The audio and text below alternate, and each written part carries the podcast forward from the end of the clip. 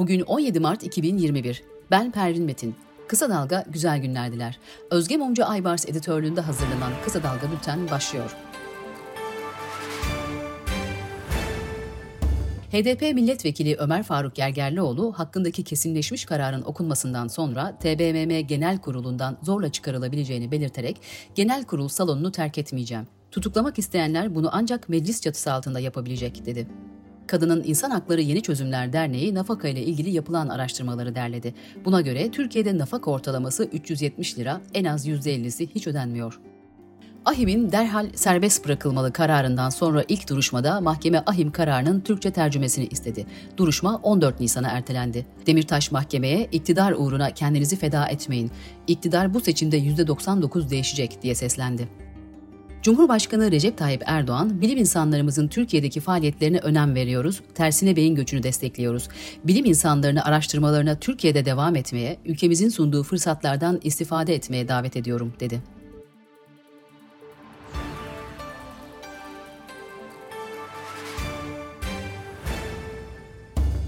CHP lideri Kemal Kılıçdaroğlu okullarda andımız okutulmamasıyla ilgili Danıştay kararına tepki gösteren MHP lideri Devlet Bahçeli'ye muhatap aldığı yer yanlıştır. Sen Erdoğan'ı değil Danıştay'ı suçluyorsun diye seslendi.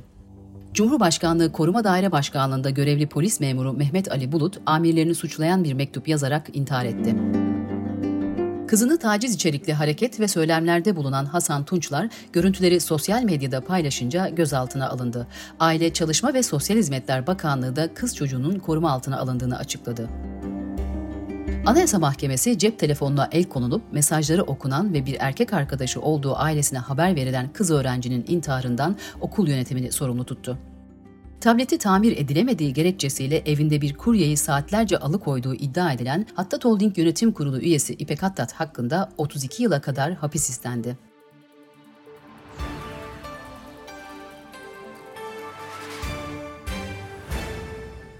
Türk Tabipleri Birliği Başkanı Profesör Doktor Şebnem Korur Fincancı önerilerini ve taleplerini iletmek üzere Sağlık Bakanlığı'ndan bugüne kadar istedikleri randevulara hiçbir olumlu dönüş alamadıklarını söyledi.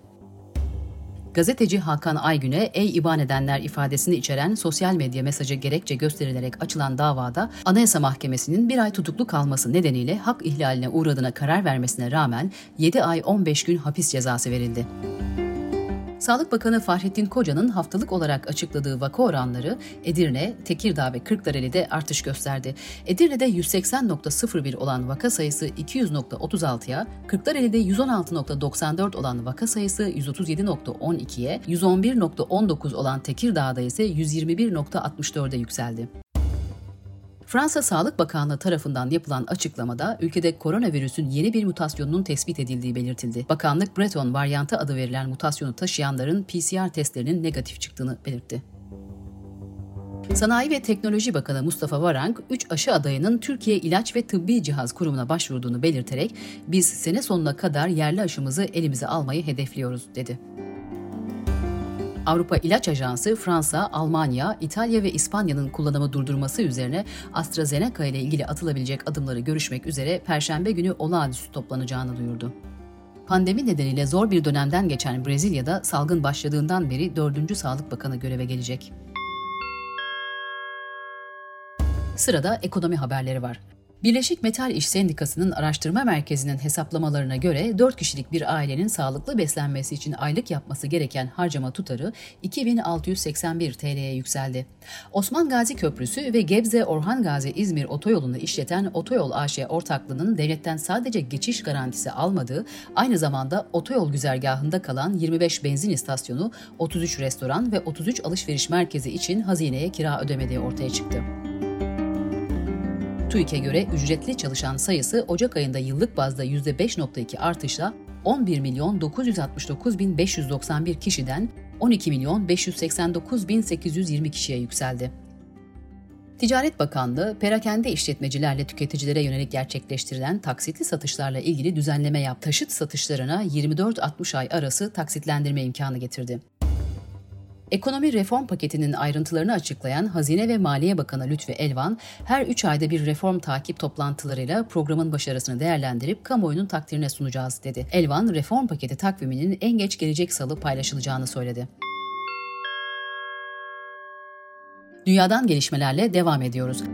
NATO Genel Sekreteri Jens Stoltenberg, Avrupa Parlamentosu'ndaki konuşmasında Türkiye ile NATO arasında S-400'ler ve demokratik haklar gibi konularda ciddi görüş ayrılıkları olduğunu söyledi. AB Dış İlişkiler ve Güvenlik Politikaları Yüksek Temsilcisi Joseph Borrell, AB ile Türkiye arasında yaklaşık 5 yıl önce imzalanan mülteci anlaşmasının yenilenmesi gerektiğini savundu. AB tarihinde ilk kez bir yerli bakan oluyor. 60 yaşındaki kadın politikacı Deb Haaland İçişleri Bakanı olarak görev yapacak. ABD, Almanya, Fransa, İtalya ve İngiltere Dışişleri Bakanları Suriye'de iç savaşın başlamasının 10. yıl dönümünde ortak açıklamayla siyasi çözüm vurgusu yaptı. Oscar adaylarını İngiltere'nin başkenti Londra'dan Priyanka Chopra Jonas ve Nick Jonas açıkladı. Bu yılki tören koronavirüs salgını nedeniyle 25 Nisan pazar günü yayınlanacak. Netflix yapımı Mank 10 dalda adaylık ile rekor kırdı. Bültenimizi kısa dalgadan bir öneriyle bitiriyoruz. Ahim Büyük Dairesi'nin Selahattin Demirtaş'ın derhal serbest bırakılması kararı sonrası dosyanın ilk duruşması görüldü. Cansu Şimşek, Demirtaş dosyasının ayrıntılarını avukatı Benan Mol ile konuşuyor. Kısa Dalga.net'ten dinleyebilirsiniz. Gözünüz kulağınız bizde olsun. Kısa Dalga Medya.